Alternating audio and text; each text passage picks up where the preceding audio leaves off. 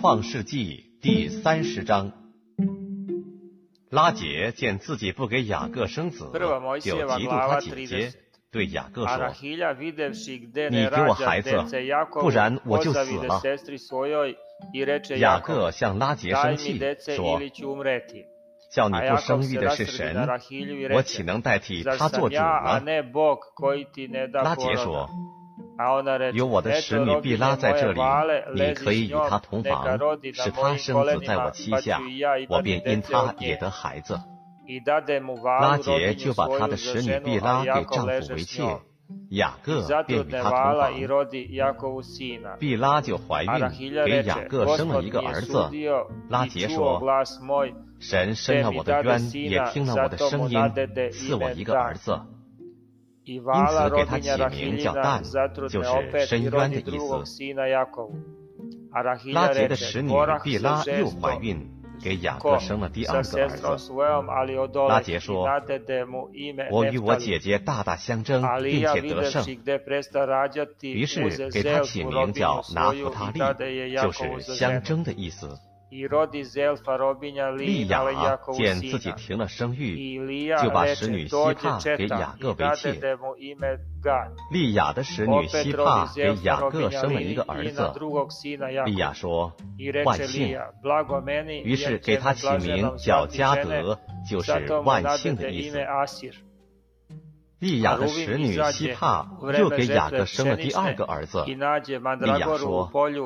我有福啊，众女子都要称我是有福的，于是给他起名叫雅瑟，就是有福的意思。割麦子的时候，刘辩往田里去寻见风茄。拿来给他母亲利亚。拉杰对利亚说：“请你把你儿子的风茄给我些。”莉亚说：“你夺了我的丈夫还算小事吗？你又要夺我儿子的风茄吗？”拉杰说：“为你儿子的风茄，今夜他可以与你同行。”到了晚上，雅各从田里回来。利亚出来迎接他，说：“你要与我同寝，因为我实在用我儿子的风节把你雇下了。”那一夜，雅各就与他同寝。神应允了利亚，她就怀孕，给雅各生了第五个儿子。利亚说：神给了我价值，因为我把使女给了我丈夫，于是给他起名叫以撒加，就是价值的意思。利亚又怀孕，给雅各生了第六个儿子。利亚说：“神赐我厚赏，我丈夫必与我同住，因我给他生了六个儿子。”于是给他起名叫西布伦，就是同住的意思。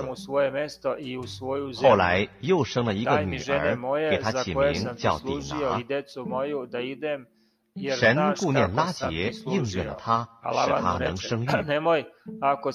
拉杰怀孕生子说神除去了我的羞耻就给他起名叫约瑟就是增添的意思。意思说愿耶和华再增添我一个儿子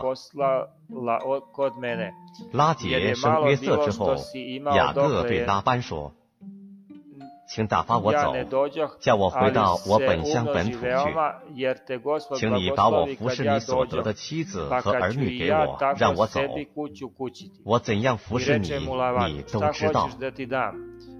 拉班对他说我若在你眼前蒙恩请你仍与我同住因为我已算定耶和华赐福于我是为你的缘故。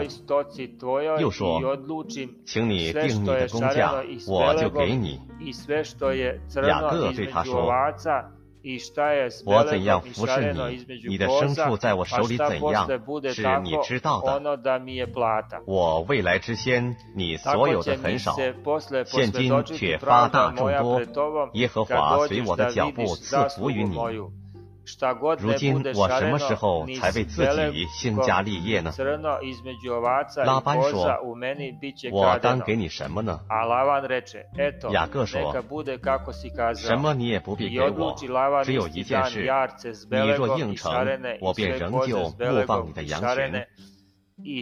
今天我要走遍你的羊群，把绵羊中凡有点的、有斑的和黑色的。」并山羊中凡有斑的有点的都挑出来将来这一等的就算我的工匠以后你来查看我的工价凡在我手里的山羊不是有点有斑的绵羊不是黑色的那就算是我偷的。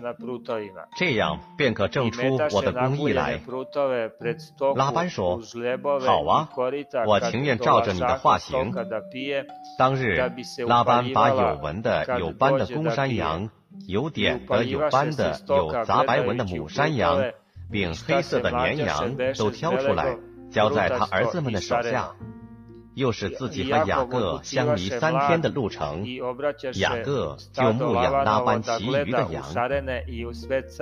雅各拿杨树、杏树、枫树的嫩枝，将皮剥成白纹，使枝子露出白的来，将剥了皮的枝子对着羊群插在印羊的水沟里和水槽里，羊来喝的时候，替母配合，羊对着枝子配合，就生下有纹的、有点的、有斑的来。雅各把羊羔分出来，使拉班的羊与这有纹和黑色的羊相对，把自己的羊另放一处。不叫他和拉班的羊混杂。